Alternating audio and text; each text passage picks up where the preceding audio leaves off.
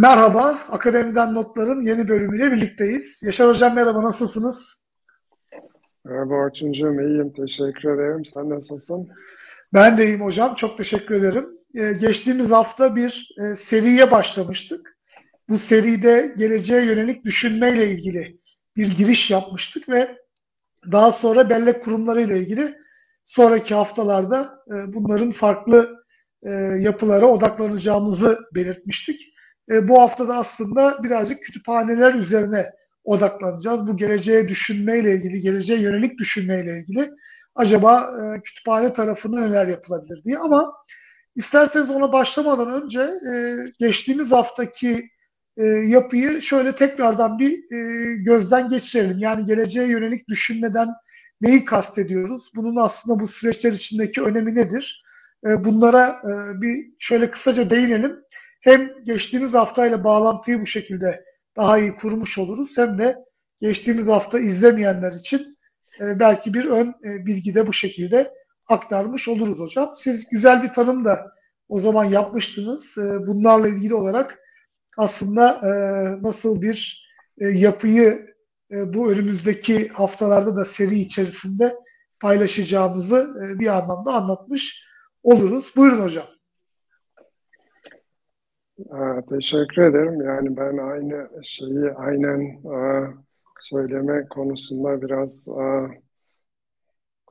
arızalıyım öyle diyeyim ama e, kabaca söylemek gerekirse e, geleceğe yönelik düşünme ya da future thinking dediğimiz şey e, bazen bunun yerine daha değişik terimler de kullanılabiliyor işte öngörme vesaire gibi. Sonuçta e, bizim gelecekte neler olabileceğini e, bir şekilde tasavvur edip bu yönde acaba daha iyi kararlar e, almak mümkün olabilir mi?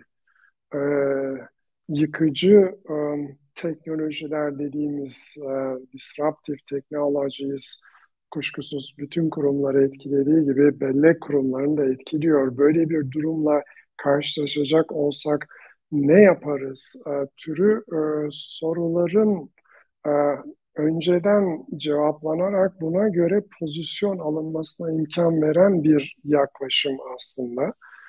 E, öngörü deyince tabii e, yani geleceğe yönelik düşünme e, için e, burada sanki geleceği tahmin etmek gibi yanlış anlaşılabiliyor. Hayır değil. Aslına bakılırsa geleceğe yönelik düşünmenin temel amacı daha iyi kararlar alabilme. Ee, geleceği tahmin etmekten çok e, geleceği belki de şimdiden anlamaya çalışma. Çünkü e, hepimiz açısından eminim e, gelecek bir şekilde son derece karmaşık, son derece sofistike. Dolayısıyla onu e, tahmin etme girişimleri e, genellikle e, başarısızlığa uğruyor. Bunun çeşitli örnekleri de var kuşkusuz. İşte Bill Gates'in öngörüde e, geleceği tahmin hikayelerinden tutun da kendilerini gelecek bilimci olarak adlandırılan e, kişilerin e, tahminlerine kadar. Dolayısıyla da burada amaç daha iyi kararlar almak. Tabii bunu o, o geleceğe yönelik düşünme söz konusu olduğunda bir defa e, demin sözünü ettiğimiz bu hani e, gelişmeye yol açan ya da paradigmatik değişikliklere yol açan teknolojiler, e, işleri e, farklı şekillerde yapabilme e, e, becerilerinin geliştirmek zorunda olmamız ister istemez bizim günlük yaşamda da e, bir şekilde hani huzursuzluğu, rahatsızlığı e, kabullenmemizi gerektiriyor. Yani e, kafamızı kuma gömmek yerine işte artık geleceği etkileyebilecek ne tür şeyler söz konusu ise bunlar üzerinde şimdiden odaklanmak ihtiyacı ortaya çıkıyor. Bunun için de tabii ki çok değişik e, gruplarla, çok değişik kişilerle vesaire konuşmak gerekiyor. Yani sonuçta e, hani genellikle hep aynı kişilerle konuşuyorsanız e, ya da sadece e, bu işi ben bilirim diyorsanız çok bir yere gitmiyor. Çünkü bizim temel özelliğimiz ne bilmediğimizi bilmiyoruz. E, onun için de daha geniş ağlarla irtibat kurup hani gelecekle ilgili senaryolar üzerinde çok farklı um, paydaşların görüşlerini e, almak o, o bakımdan son derece e, önemli. E, çünkü um, bu tür ortamlarda gelecekte şöyle olacak, böyle olacak vesaire diye ahkam kesmekten öteye belki de yani um, um, bu paydaşları ya da kullanıcıları vesaire um, bir an için kendilerini e, gelecekte e, geleceğin kullanıcısı olarak, kütüphanecisi olarak, yöneticisi olarak e, düşünüp böyle bir tecrübe e, ortamı yaratıp neler olabileceğini daha derinlemesine düşünme e, olanağı sağlandığında e, farklı e, paydaşlardan çok farklı görüşlerin e, e, ortaya çıkması çok daha muhtemel. Yani bir bakıma geleceğe yönelik düşünme hani sürekli tasarım yaklaşımını belirleme gibi bir şey. Çünkü hiçbir şey e, durağan, stabil değil. Öyle olunca da ister istemez özellikle de yıkıcı e, teknolojiler söz konusu olduğunda bu sürekli tasarım ortamı son derece belirleyici e, olmak zorunda kurumların işte e, kalıcı olabilmesi için gelecekte de işlevlerini bir şekilde e, gerçekleştirebilmeleri için. Bunları yapabilmek için aslına bakılırsa e, kullanılabilecek bir sürü e, araç gereç, e, yazılım vesaire var. Yani bunların birçoğunu aslına bakılırsa e, günlük yaşamımızda da biz e, yapıyoruz. E, akademiden notlar programlarında sık sık eksik olduğumuzu söylediğimiz noktalardan bir tanesi çevre tarama. Ee, buna e, ufuk tarama da deniliyor. Yani kendi konunuzla ilgili, kendi sorununuzla ilgili e, beklenmedik değişikliklere yol açabilecek gelişmeler olacaksa bunların ilk sinyallerinin e, araştırılmasına yönelik bir yapısal süreç demek aslında e, ufuk taraması. Dolayısıyla da e, bu ilk sinyallere bakarak acaba nasıl bir pozisyon alabiliriz e, şeklinde. Ya da bir başka şey bugün de belki ayrıntılı olarak da konuşacağız.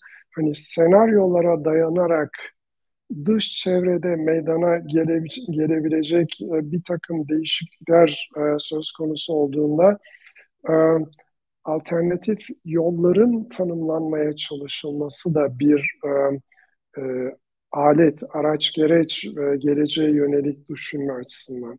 Bir diğer e, araç, gereç ise varsayımlarınızı test etme. Yani e, ve bunu yaparken de işte e, diyelim ki politika kararları alıyorsunuz. İşte teknoloji e, e, gelecekte çok daha yoğun bir işbirliğine yol açacaktır gibi bir varsayımımız var.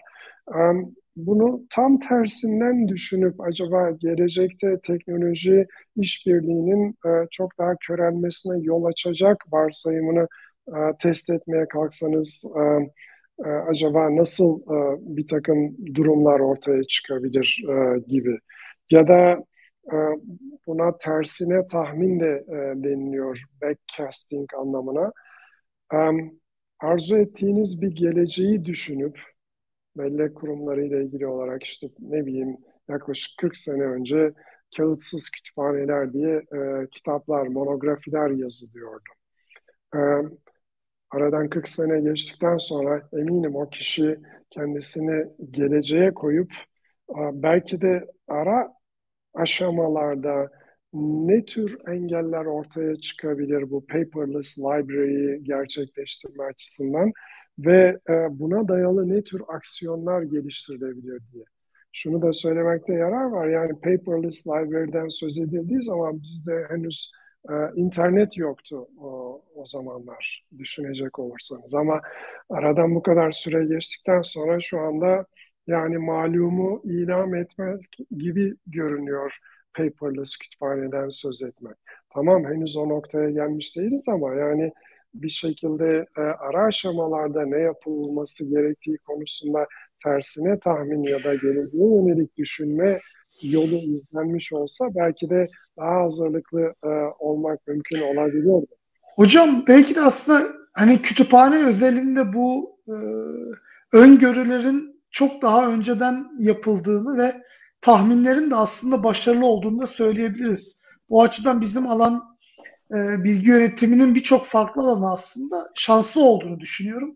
Çünkü e, kütüphanelerin geldiği noktayla ilgili de aslında biz bu öngörüler e, yapılırken e, bir şekilde gideceği noktayı da kestirmek çok zor değildi. Yani internetle beraber aslında o gelişime baktığınız zaman o kağıtsız kütüphane yapısının aslında bir şekilde çok hızlı bir e, geçiş olacağı da düşünülüyordu. Bence koleksiyonları kontrol ettiğimiz zaman da bu geçişin bir şekilde gerçekleştiğini ben görüyorum. Yani en azından benim kendi ilgi alanımla ilgili yaptığım tarama sonuçlarında elektronik e, kitaplara, elektronik içeriğe ulaşma e, yüzdesi çok arttığını söyleyebilirim. Belki burada kütüphanelerin elektronik kaynaklara daha fazla yatırım yapması, daha fazla ona pay ayırmasının da büyük bir etkisi vardır. Ama bununla birlikte bence e, yavaş yavaş buradaki içerikle ilgili e, yapılanma da aslında belki firmalar tarafından da bu tarafa doğru bir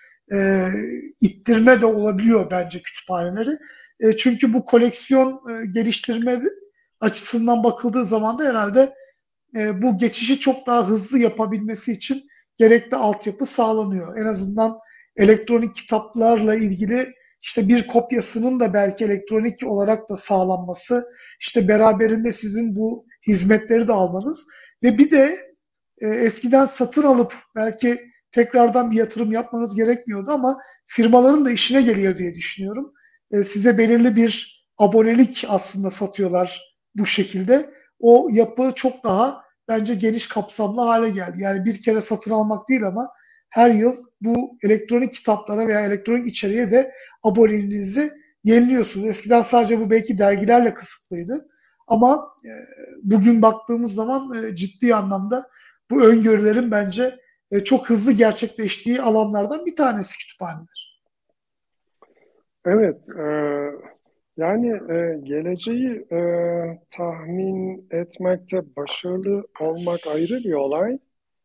E, bu tahmine dayalı olarak geleceğe yönelik düşünme yaklaşımıyla e, daha iyi kararlar alabilmek için e, istendik bir şekilde çalışmak birbirinden farklı şeyler. Yani e, yani örneğin işte bugünlerde bizde de e, adı geçen e, Jeremy Rifkin ta 20 küsur sene önce ben değişik konuşmalarımda referans vermiştim. Ya sahip olmak yerine e, işte e, kiralamak yaklaşımı hayatın her alanında gerçekleşiyor.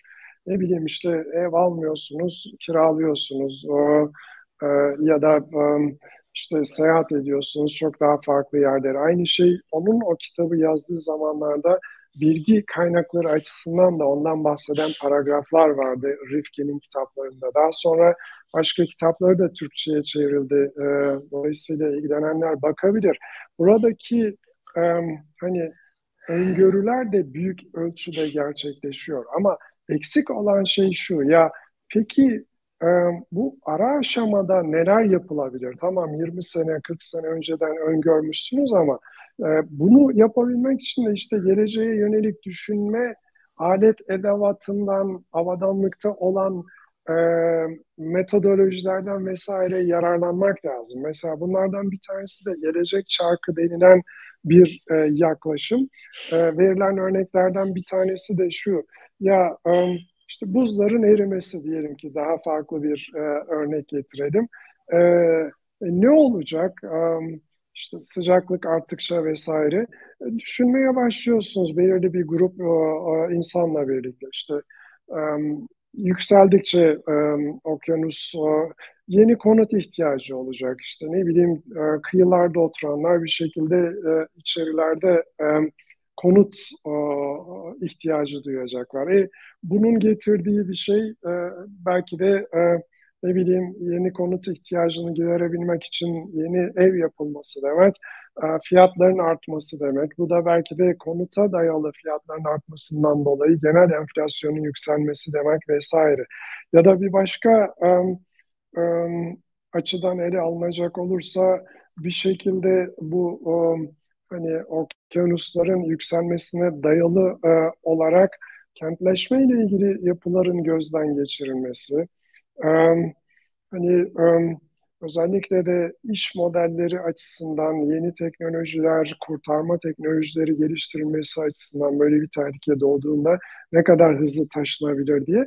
Yani bir bakıma bu önemli yönelim ve olayların um, size olan etkisini daha olmadan görselleştirmeye çalışıp bununla ilgili e, yapısal beyin fırtınası toplantıları gerçekleştirmek.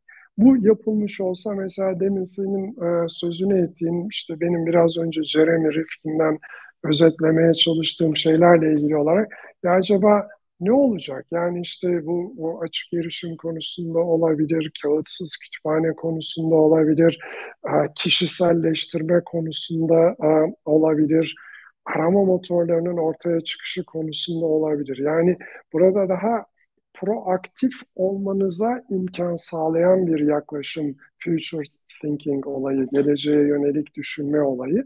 Ve sanıyorum ki eksik olduğumuz o taraflardan bir tanesi de bu. Yani kütüphane özelinde e, bir örnek vereyim. Hani senaryolaştırma olarak da düşünülebilir. Bu başka şeydi ama bu vesileyle de işte e, arama motorları e, konusunda ömrünün son zamanlarında önemli çalışmalar yapmış olan Lütfizade e, adlı bilimciyi de anmış olalım. Kendisi bu bulanık mantık e, şeyinin bulucusu aynı zamanda da yumuşak hesaplama, soft computing e, e, alanlarının da e, e, mucidi diyelim ki. Söylediği şeylerden bir tanesi arama motorlarının hani Google gibi vesaire başarısız olduklarını çünkü ikili mantığa dayandıklarını ama hayatta kalabilmek için arama motorlarının soru cevaplama sistemleri haline dönüşmesi gerektiğini söylüyordu. Yani çıkarsama yapabilecek bir e, aşamaya gelmelerini. Bu olmadıkça da hani e, arama motorlarında e, başarılı e, sonuçlar elde etmenin mümkün olmayacağını hatırlarsın semantik bilgi yönetimi dersinde de bunların örneklerini kullanıyorduk. Hani doğal dili anlama sorunu olduğu için arama motorlarında bir yerden sonra e, başarısızlıklar hemen başlıyordu. Ama son 5-10 yıl içerisindeki yapay zeka ile vesaire ile ilgili gelişmelere baktığımızda görüyoruz ki aslına bakılırsa e, Lütfi Zade'nin işte bundan yaklaşık 10-15 sene önce öngördüğü 15 civarında diyelim 2000'lerin ilk yarısındaydı.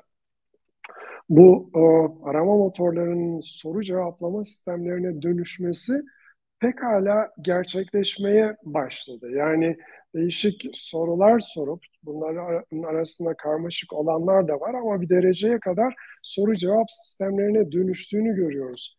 E o zaman e, hani geleceğe yönelik düşünme yaklaşımı açısından e, işte yani 20 küsur yıllık bir geçmişi var arama motorlarının. Şu soruyu sorup acaba bu yönde e, geleceğe yönelik düşünme yaklaşımları uygulamış olsak daha iyi mi olurdu? Arama motorları soru cevaplama sistemlerine dönüştüğü halde kütüphanelerin hali nice olur. Değil mi? Yani düşünün e, bugün yaptığımız birçok iş sonuçta e, aslında bilgi ihtiyacı olan kullanıcıların sorularını cevaplamaya yönelik koleksiyonlar biriktiriyoruz, onları düzenliyoruz, onlarla ilgili kataloglama, sınıflama işlemleri yapıyoruz, referans kütüphanecileri yetiştiriyoruz, onlar daha iyi sorulara cevap versin diye onlara referans görüşme tekniklerini öğretiyoruz.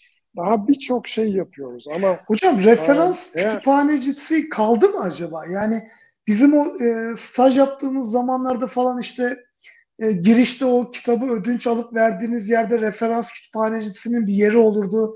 İnsanlar gelip soru sorarlardı. Beraber e, katalogda arama yapılırdı. Bir takım kaynaklar verilirdi ama ben bunu artık gözlemlemiyorum. Yani bizim üniversite kütüphanelerinde veya diğer kütüphane belki çok ihtisas kütüphanelerinde bu olabilir ama normalde herhangi bir üniversite kütüphanesine gidip de etrafta bu tür bir personel bulmak mümkün olmaz artık herhalde. Ya tabii e, teknoloji geliştikçe bunların biçimi de değişiyor. Yani belki referans kütüphanesinde oturan kişi görmüyorsunuz ama bir şekilde chat aracılığıyla insanlar sorularını vesaire yöneltebiliyor. Ama buradaki e, sorun daha derinde. Yani e, daha derinde derken gerçekten arama motorları biraz önce konuştuğumuz e, çerçevede yapay zeka vesaire ya da bilişimsel erişim işte elektronik ortamlardaki e, bilgilerden çıkarsama yapabilecek duruma geldiğinde e, o zaman bırakınız referans kütüphanecilerine acaba kütüphanelere gerek kalacak mı?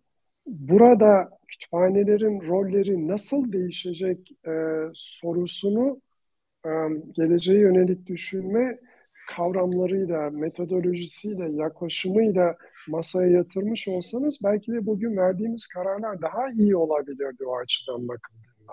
Yani e, hani sorun daha derinde derken kastettiğim şu, düşünün her şey e, dijital ortama aktarıldığında ve arama motorları da sorular ne kadar karmaşık olursa olsun soru cevaplama sistemleri dönü, haline e, dönüştüklerinde o zaman hani arka planda işte 5000 yıldan bu yana bilgi düzenleme ile ilgili yaptığımız e, şeylerle ilgili olarak bizim nasıl bir e, tavır almamız gerekiyor? Biz bu gelişmeleri e, kendimiz açısından nasıl e, hani yorumlayıp ona göre pozisyon alabiliriz sorusu çok daha derin bir soru. Düşünsenize yani tamam şu anda saat kaç işte ne bileyim başka yerde saat kaç gibi bir takım şeyler var ama aynı teknoloji sonuçta size um, ya fena değil anlamlı da olsa işte metni değerlendirmiş ve bir özet çıkarmış diyebiliyoruz bugün ortalıkta olan bilgi e, çıkarma algoritmaları aracılığıyla üretilen özetlere vesaireye baktığımızda. Elbette bunları hani e, yemek tariflerine uyguladığınızda çok saçma sapan sonuçlar alırsınız ama daha uzun boylu bir takım şeylere uyguladığınızda daha değişik, daha başarılı sonuçlar alıyorsunuz. Daha şimdiden işte e, TLDR diye kısaltılan Too Long Didn't Read denilen e, tek kelimede herhangi bir bilimsel makaleyi özetleyen e, yapay zeka algoritmaları koşturuluyor. Yani elektronik ortamdaki e, bilgi miktarı arttıkça, basılı olanlar dijital ortama e, aktarıldıkça eğer bu yönde e, daha büyük başarılar, soru cevaplama sistemleri e, ortaya çıkarsa o zaman bizim bu tür bir senaryoda kendimizi nasıl konumlandıracağımız, bellek kurumlarının kendilerini nasıl konumlandıracağı son derece önemli aslında bakılırsa. Bu belki bugünden yarın olacak bir şey değil ama biraz önce girişte örneğini verdiğimiz mesela paperless library dendiği anda e, işin bugün geldiğimiz noktada e, yapay zekanın ikinci doğumundan sonraki hızlı ilerlemeler sonrasında tam olarak e, kastedilen şeyin sadece e, bilginin ortam değiştirmekle kısıtlı kalmadığını görebiliyor muyduk?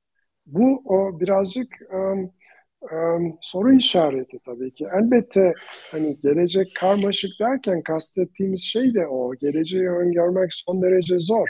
Ama işte senaryolar aracılığıyla, ufuk tarama aracılığıyla, işte tersine tahminler aracılığıyla, gelecekte arzu ettiğiniz bir yerden geriye doğru hareket ederek acaba hangi aşamalardan geçileceğini daha e, ayrıntılı olarak görmeye çalışma egzersizleri aracılığıyla belki e, daha iyi yönlendirmek mümkün olabilir bu tür yıkıcı e, teknolojileri ve e, e, paradigma değişikliğine yol açabilecek değişimleri e, İşte zaten geleceğe yönelik düşünme yaklaşımının e, en büyük amaçlarından bir tanesi de bu o açıdan bakıldığında.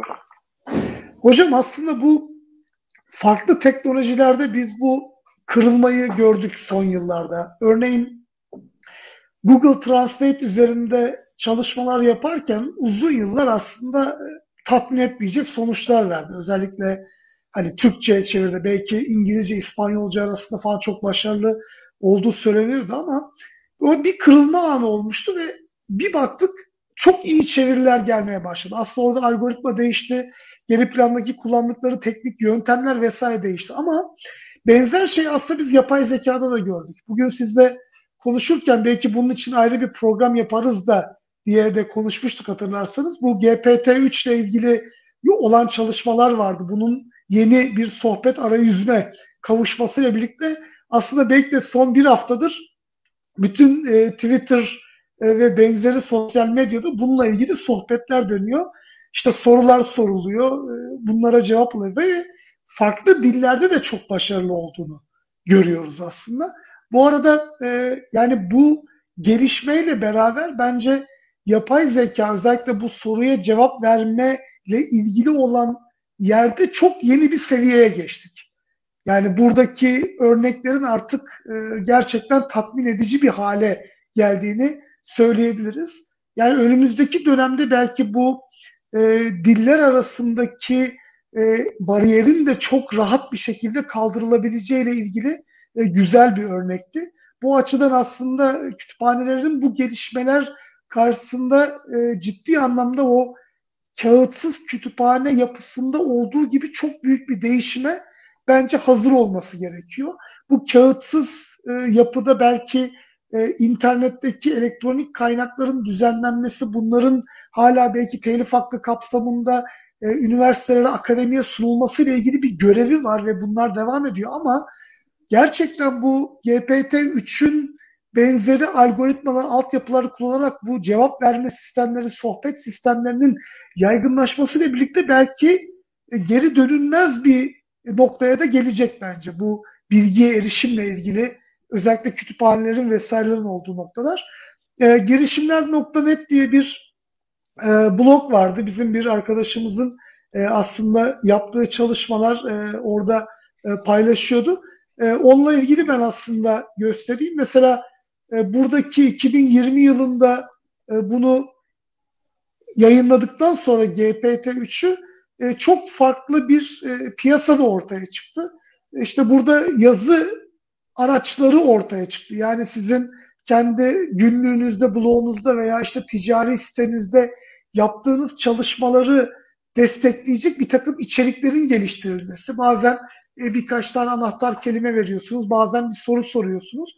Bunlarla ilgili çok farklı yapıları oldu ve işte e, belirli bir ücret ödediğiniz zaman bu ücret karşılığında e, yaptığınız çalışmayla ilgili olarak sizin için bir metin üretiliyor. Bu metinle ilgili çalışmayı işte buradaki yapılardan alıyorsunuz ve sizin bu yaptığınız çalışma aslında her bir çalışmada farklı bir içerik üretilmesini de sağlıyor. Yani benzersiz bir içeriği bu şekilde geliştirmesini sağlıyor. Aslında bu yapıya baktığınız zaman daha sonraki çalışmalarda da buna benzer içerik geliştirme araçlarının belki de kütüphanedeki erişmek istediğiniz kaynakları da o anda isteğe bağlı olarak üretilmesini sağlayacak. Bu çok ilginç bir gelişme aslında. Yani evet biz elektronik kaynakları biliyoruz. Elektronik kitapları biliyoruz. Bir takım eğitim içeriklerini, tutorialları, açık ders malzemelerini vesaireyi de biliyoruz. Bunları depoluyoruz, üst verilerini oluşturuyoruz ve bunlara erişiyoruz. Ama şu çok ilginç değil mi? Yani o anda sizin isteğinizle yaratılan on demand bir bilgi kaynağının oluşması bence çok yeni bir şey. Hatırlarsınız bu Google'ın ilk e, yaygınlaşmaya başladığı zamanlarda çift tırnak içinde insanların adlarını aratıp Aa inanamıyorum ya o insanla ilgili bilgiler geliyor diye çok heyecanlanmıştı. Ve insanlar işte çift tırnak içerisinde kalıp insanları aratıp işte sen e, ilgili 100 sonuç çıktı, benle ilgili 500 sonuç çıktı vesaire gibi şeyler vardı. Ama şu anda buna benzer bir etki bence bu GPT-3 destekli algoritmaların çalıştığı yapıda ortaya çıkıyor. Yani bir benzeri olmayan o anda sizin sorununuzla oluşturulmuş bir bilgi kaynağı geliyor. Tabi buradaki doğruluk payı, yüzdesellik, işte bir hakem tarafından redakte edilip edilmemesi falan bunları bir kenara bırakıyorum. Ama e, depolanmış olan bilginin üst veriyle erişiminden tamamen soru sorulma karşılığında o anda oluşturulmuş bir bilgiye geçiş var yani. Ve bu e, belki de kütüphanelerin yetişemeyeceği, kütüphanelerin müdahale edemeyeceği veya o e, döngü içerisinde, o harita içerisinde yer bulamayacağı bir yapıya doğru gidebilir. Onun için geleceğe ilişkin e, düşünme yapısında belki çok daha e, bu konuda çalışanların hızlı davranması gerekecek ve acaba bu teknolojileri biz kütüphane içerisindeki bilgi sistemlerine nasıl entegre edebiliriz diye de belki konuşmak gerekecek. Bunları tartışmak gerekecek. Benim aslında e, tam da söylemek istediğim bu. Yani bu tür sistemlerin soru cevaplama sistemine dönüşmesi. E, biliyorsun hani bilgi bilim, bilgi yönetimi kendisini işte bilgi kaynaklarıyla bilgiye ihtiyaç duyan kullanıcılar arasında bir köprü görevi gördüğü biçiminde tanımlıyor. Yani bir şekilde biz bir arayüz oluşturuyoruz. Yani biz derken bilgi yöneticileri, e, bellek kurumlarında çalışan kişiler vesaire. E şimdi e, bu o arayüze ihtiyaç kalıp kalmaması üzerinden e, bu konuda e, bir takım e, görüşler mesela şey yapıyor. Geçenlerde e, Tom Wilson ki e, çok önemli bizim alanda bilgi arama davranışları konusunda modeller geliştirmiş bir kişi. Onunla yapılmış bir görüşme vardı eski e, e, ASIST başkanları tarafından. Diyor ki vatandaş yani e, bu um, aracısızlaştırma konusundaki gelişmeler yani aracının ortadan kalkması işte soru cevaplama sistemi haline gelmesi arama motorlarının kişilerin kendi e, yaralarını kendilerinin sarmaya başlaması belki de yakın gelecekte 15-20 yıl içerisinde bilgi bilim denilen bir şeyi ortadan kaldıracak diye bir görüş veriyor mesela. Ben bir sunuşumda onun e, videosuna da referans vermiştim.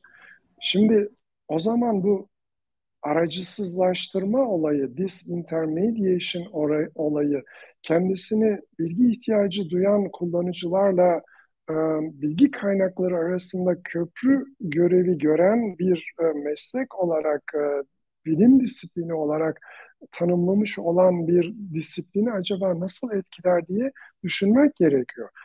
Bu yani belki Tom Wilson'ın dediği gibi 15-20 senede olmaz da 30-40 senede olur vesaire her neyse ama geleceğe yönelik düşünme açısından bakıldığında biraz önce nasıl ki sen soruyorsun ya acaba e, referans kütüphanecileri e, oturuyor mu hala diye.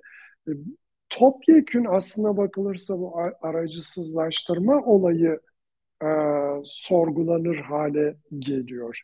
E, ya da bir başka deyişle e, self-service bilgi ihtiyaçlarını e, karşılamaya yönelik aracıyı ortadan kaldıran yapılar e, ortaya gel, e, çıkmaya başlıyor. Bunların e, e, disiplinleri, meslekleri vesaire nasıl e, değiştireceği de çok önemli sorulardan biri. Yani şunu söylemek e, için vermiyorum bu örneği. Ya işte e, bu o, o, kuruluşlar e, önümüzdeki 20-50 e, yıl içinde yok olacak vesaire değil. Bir baktığımızda aslında bakılırsa bellek kurumları sonuçta son 5000 yıllık bir şekilde e, dönemde elbette bir sürü yıkıcı teknolojiyle karşılaştı. Elbette büyük değişiklikler oldu vesaire ama bir şekilde bunlara uyum sağlayıp bunlarla ilgili yeniliklere ayak uydurma şeyi de var içerisinde. Dolayısıyla da ben o kadar kısa sürede bazı gelişmelerin gerçekleşeceğini de düşünmüyorum. Ama ama e, geleceğe yönelik düşünme yaklaşımıyla bunların irdelenmesinde yarar var. Yani örneğin bir e, self-service modeli eğer geçerli olacaksa değil mi? Yani baktığınız zaman bugün aslına bakılırsa fiziksel ortamda birçok e, yeniliğe alıştık bile. Hani hiç arabası olmadan ara, e, taksi hizmeti veren şirketlerden tutun da hiç e, ne bileyim e, kaynağı olmadan bilgi hizmeti veren e, kurumlara kadar birçok şeyi kabullenmiş durumdayız o açıdan. Gerçi e, İstanbul'un taksi sorununu hala çözemiyoruz bütün bunlara rağmen ama belki de bu da e, geleceğe yönelik düşünme olayını daha makro düzeyde içselleştirmememizden kaynaklanan bir olay o açıdan bakıldığında. Kütüphaneler üzerinde e, buna dönecek olursak yani daha birçok senaryo düşünülebilir. Ne bileyim ben işte um, ya bu kütüphanelerde ödünç verme olayı acaba ne, ne zamana kadar devam edecek? Hani alın size bir başka senaryo.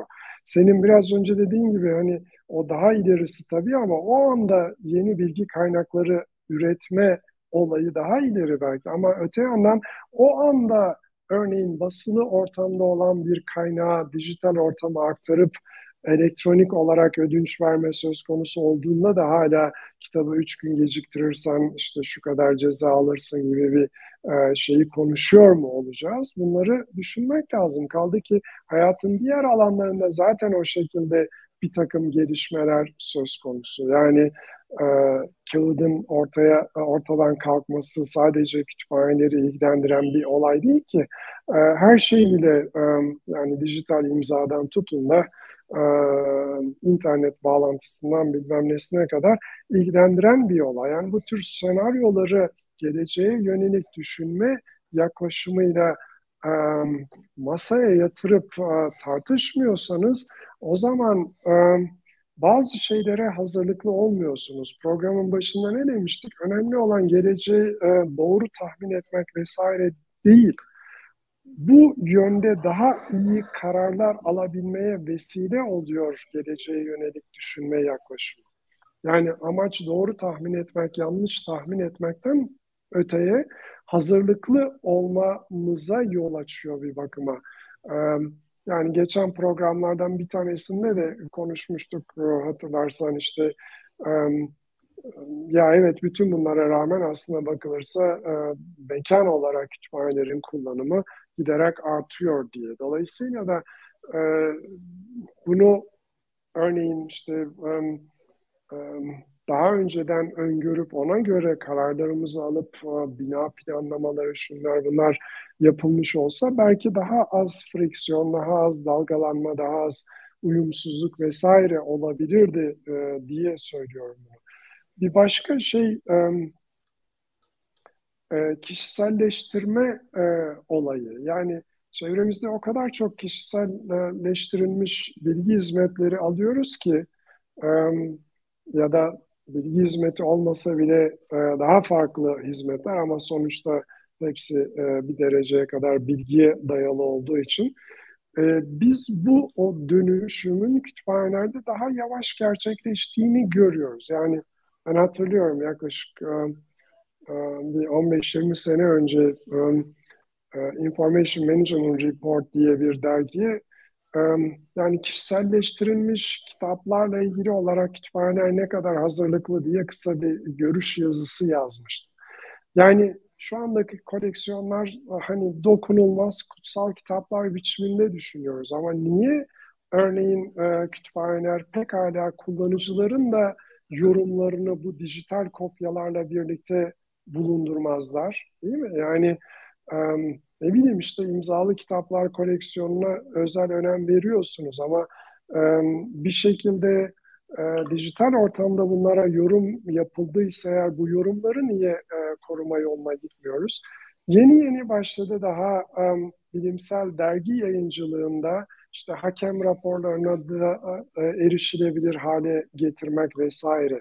Ama daha e, ileri aşamada şu anda basın ortamda olan e, kaynakların da bir şekilde dijital ortama aktarıldığını düşünecek olursak o zaman ta geçmiş çağlardan bu yana çok önemli olan işte derkenar denilen, haşiye denilen kullanıcıların o bilgi kaynaklarının kenarlarına not aldıkları şeylerin ne kadar değerli olduğunu e, bugün en azından el yazmaları ile ilgili literatürde biliyoruz. E, bunun karşılığı aslında bakılırsa dijital ortamdaki bu tür kişisel açıklamaların da birlikte tutulması. Ha diyeceksiniz ki bu işin teknoloji yönü vesaire yok mu? Sonuçta sizin elinizde diyelim ki belirli bir kitapla ilgili tek kopya e, olabilir. O tek kopyayı da tertemiz tutmak isteyebilirsiniz vesaire. Ama onu bir kez dijital ortama aktarıldıktan sonra o tek kopyanın birçok um, okuyucusu olmuşsa o okuyucular da belirli noktalarla ilgili bir takım yorumları kaydetmişlerse zararı mı olur? Ya işte ne bileyim Einstein da bu kitabı okumuş oraya şu notları almış diye o, o tek kopyayı birden fazla kopya halinde tutup işte ben Einstein'ın kopyasını okumak istiyorum. Ben Atatürk'ün kopyasını görmek istiyorum. Daniel Dean'le bu hizmeti verebilmek. En azından bilimsel literatürle ilgili olarak işte hakem yorumlarını, görüşleri vesaire tutabilecek hale geldiysek monografik eserler açısından da bunu yapmak mümkün. Peki bu geleceğe yönelik düşünme egzersizi olamaz mı? Pekala olabilir. Hocam e, ilginç bir belki bağlantı sizle paylaşayım. YouTube videolarında e, eğer dikkat ederseniz mouse'unuzu farenizin imleçini video üzerine getirdiğinizde o videonun en çok izlenilen dakikalarını ve saniyelerini bir grafik şeklinde vermeye başladı. Yani siz bir videoya girdiğiniz zaman o videoda örneğin 15 dakikalık videonun en çok neresi seyredildi ve en çok tekrar nerede yapıldı bunu görebiliyorsunuz. Bu neden önemli? Demek ki o videonun o bölümü insanlar için bir ekstra önem sahip bir bölüm. E şimdi bu aslında benzer bir yapıdı. İşte e, bir kitap açtığınız zaman üzeri çizilmiş olan yer önemli bir bölüm. E şimdi bir elektronik kaynağı aldığınız zaman bu bir kitap olabilir veya bir bildiri veya bir makale olabilir. En çok 100 sayfa içerisinden 25'te 28. sayfa arası okunmuş. E şimdi otomatikman oraya gidip ya bu sayfada ne var acaba? Sorusunu gündeme getiriyor. İşte bence biraz önce belirttiğiniz yapıları aktarmak çok kıymetli. Yani YouTube hesabını başlamış büyük ihtimalle oradaki bölümleri siz daha çok seyrediyorsunuz. Burada ne var diye merak ediyorsunuz vesaire. Size ekstradan bir takım etkileşimlere sokuyor. Belki biraz önce bahsettiğiniz gibi o başkalarının okumalarındaki deneyimleri anonimleştirerek bir şekilde sunmak e, önemli gelecek okumalarından, e, düşünme yapılarından biri haline dönüşebilir. Mesela bu tarzda bir projeyi keşke hayata geçirilebilirse. Çünkü şu an elektronik kaynakların e, birçoğunda ben son zamanlarda artık PDF'ini indirme seçeneğinin çok azaldığını görüyorum.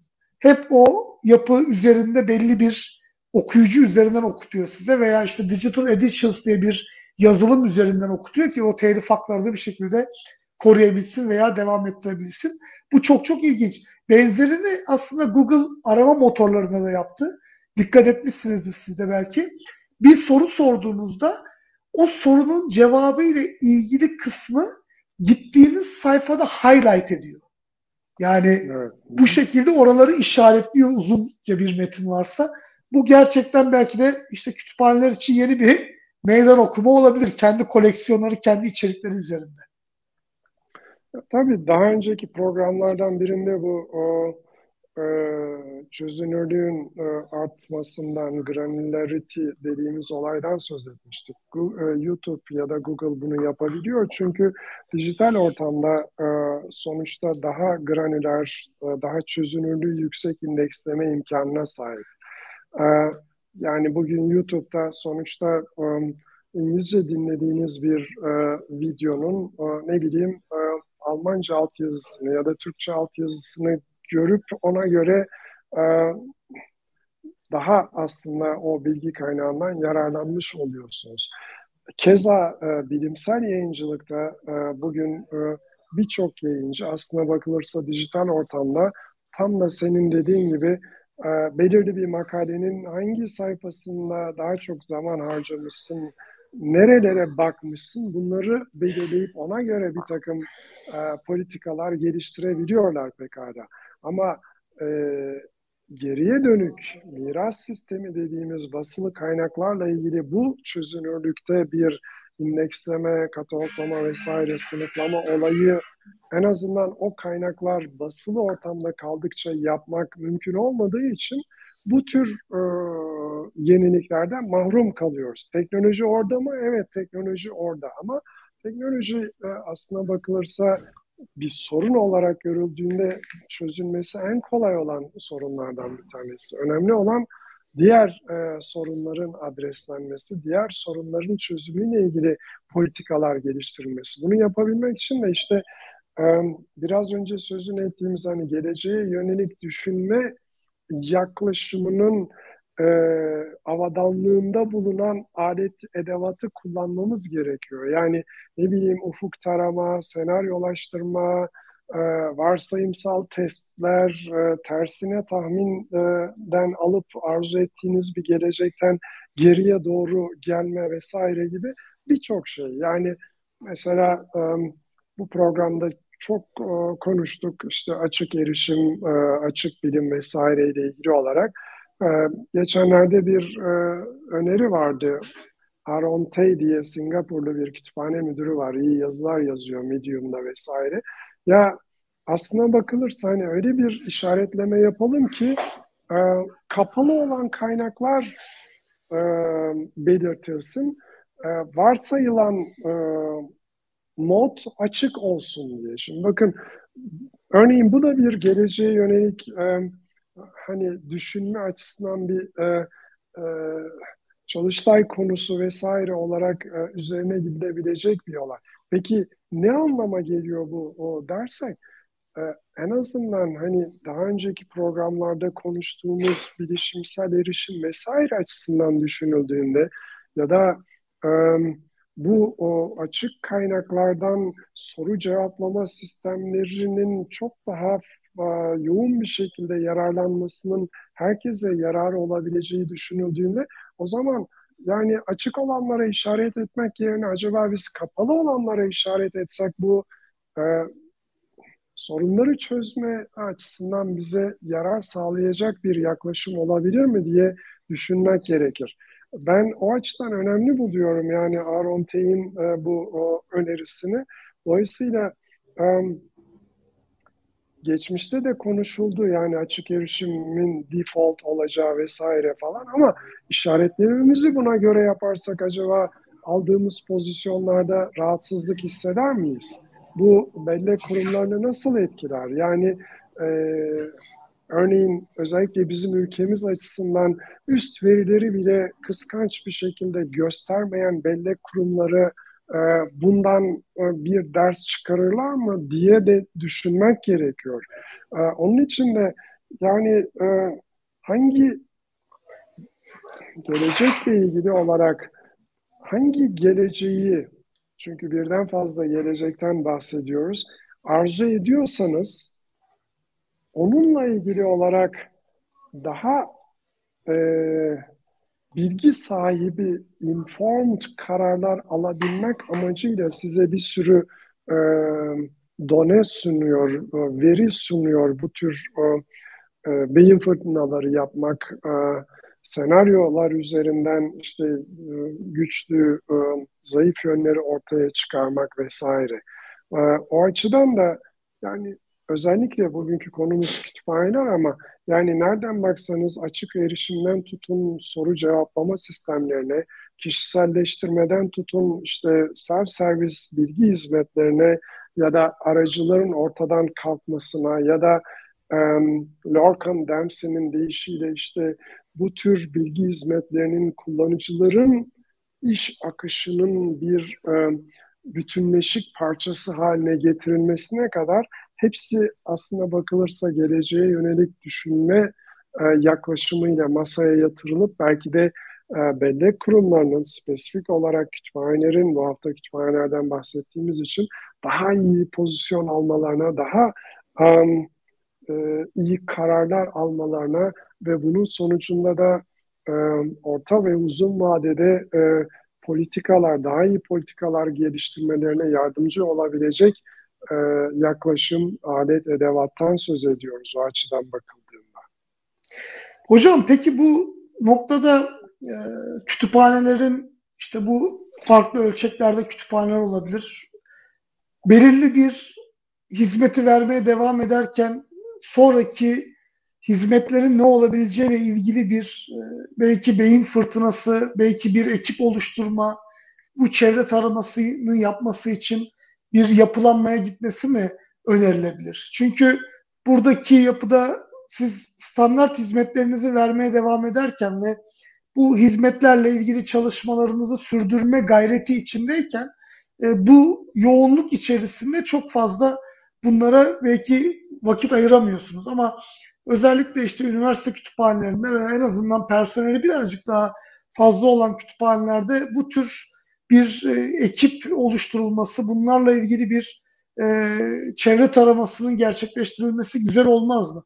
Çünkü burada aslında üst taraftan e, gelebilecek bir e, yenilik, e, üst taraftan gelebilecek bir belki de e, fayda beklemek çok da geç olacaktır. Yani Türkiye'deki örneğin halk kütüphaneleri özelinde, üniversite kütüphaneleri üzerinde veya araştırma kurumlarındaki kütüphaneler üzerinde ya bunlara çatıdan böyle bir yeni hizmet e, paketi gelecek veya bunlar olacak diye beklenti içinde olmak da bence çok doğru değil.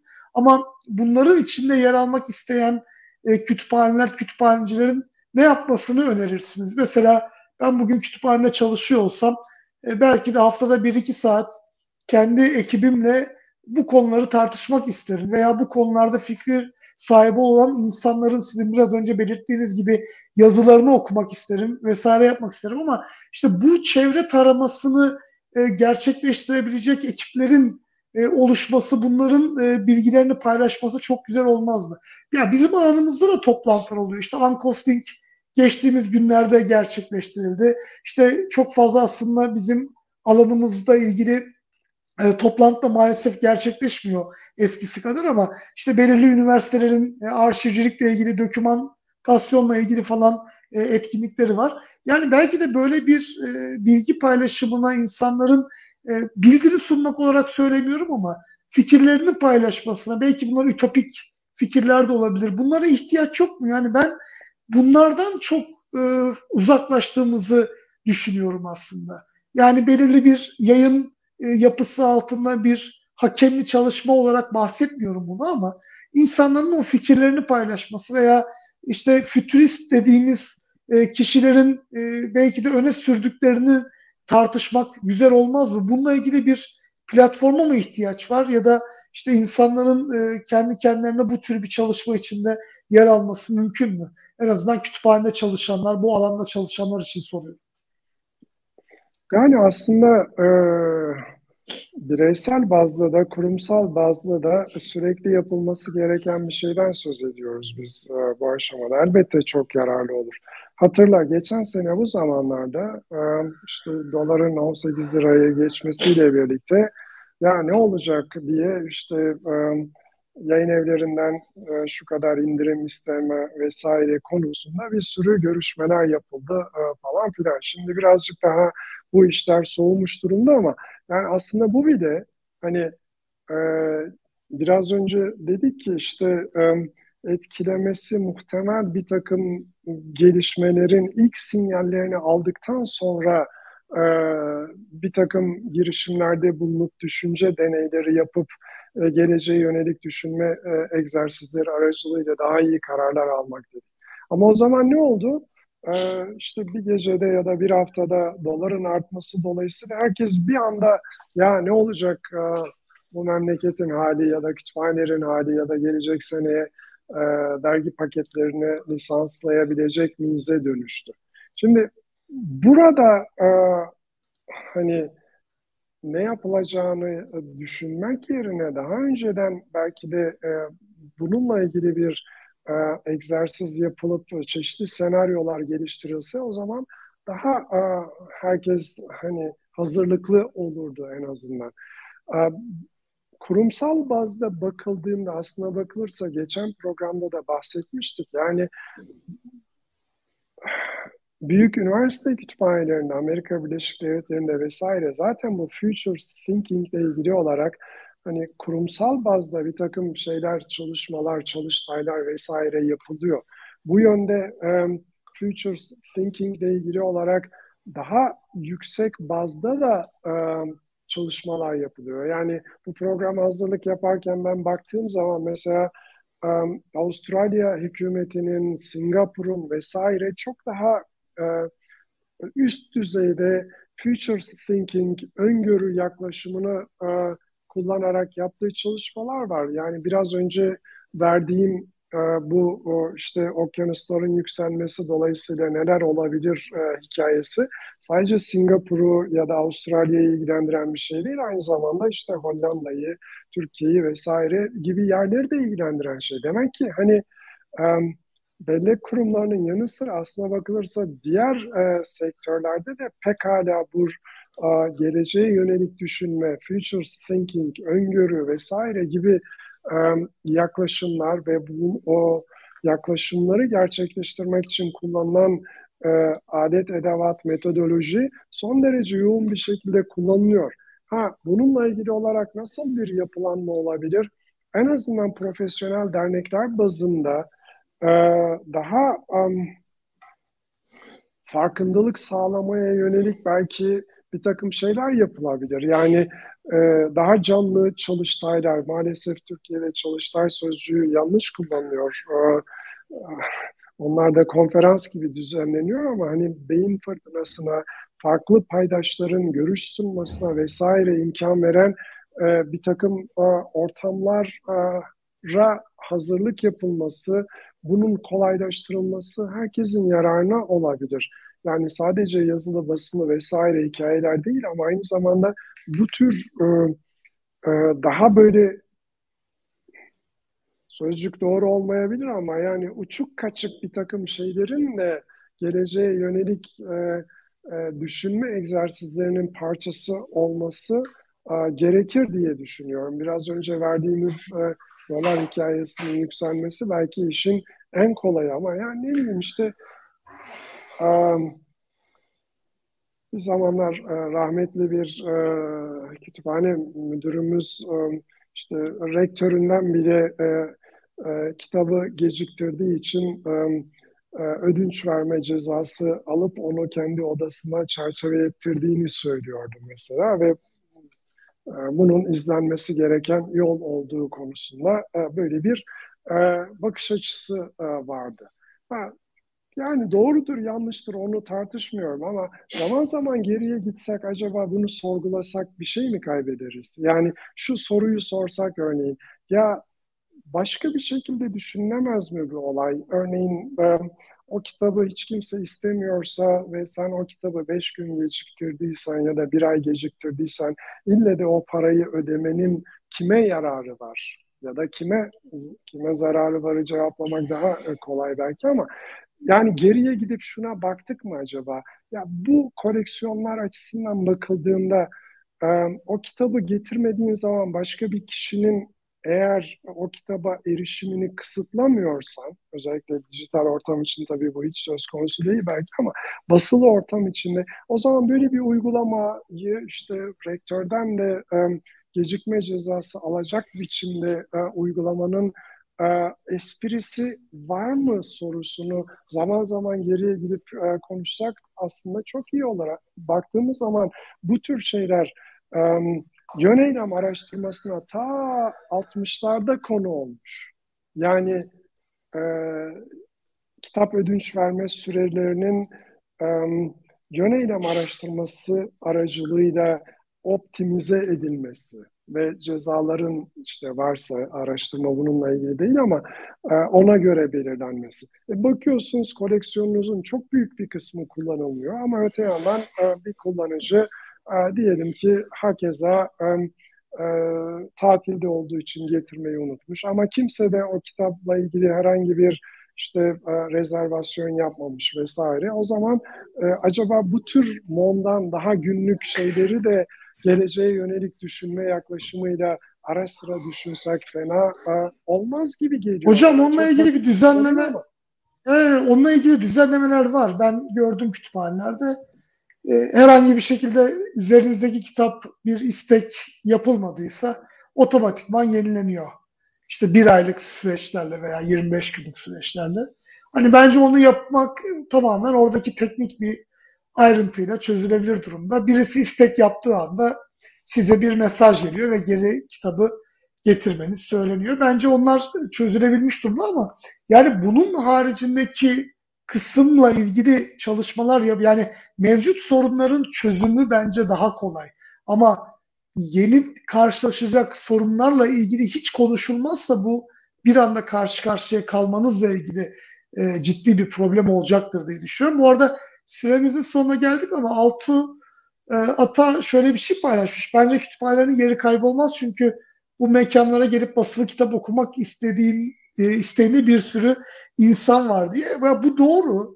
Hala o kitabı seven, dokunmak isteyen, koklayan hep bunlar söylüyor. Romantik tarafı var ama ben bunun artık e, yeni nesil e, bir takım kütüphanelerde bu devam edebilir belki ama e, özellikle araştırma kütüphanelerinde, üniversite kütüphanelerinde bunun tamamen devre dışı kaldığını düşünüyorum. Yani çok uzun süredir kütüphaneye hiç gitmek zorunda kalmadan kütüphanenin hizmetlerini kullanan e, birçok kullanıcı var ve ben de e, üniversite kütüphanesine gidip geldiğim zaman e, daha çok buraların aslında ders çalışmak için kullanılan mekanlar olduğunu görüyorum.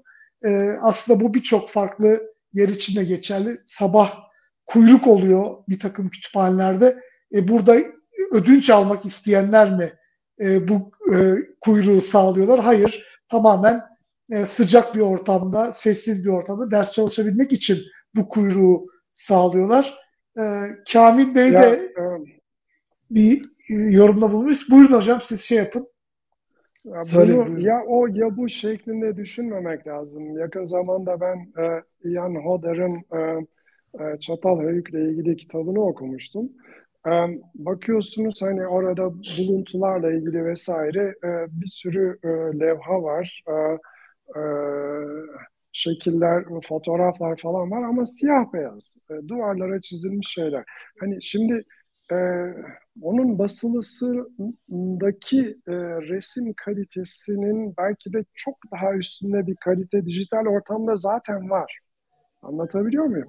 Dolayısıyla o olsun elinizde koklayın etmeyin vesaire ama öte yandan o, o kitaptaki, Hodder'in kitabındaki e, e, fotoğrafları daha kaliteli görmek isteyene de yardımcı e, olmak e, bizim görevlerimizden biri olmalı diye düşünüyorum o açıdan bakıldığında. Dolayısıyla da hiçbir teknoloji tamamen bir öncekini ortadan kaldırmıyor. Yani bizim burada söylediğimiz ne paperless library dediğimizde tamamen paper ortadan kalkacak diyorsunuz ne bir şey. Belki gelecek hafta arşivler bazında buna daha farklı değiniriz ama e, hani onunla ilgili olarak geliştirdiğiniz hizmetler vesaire değişime uğruyor ister istemez.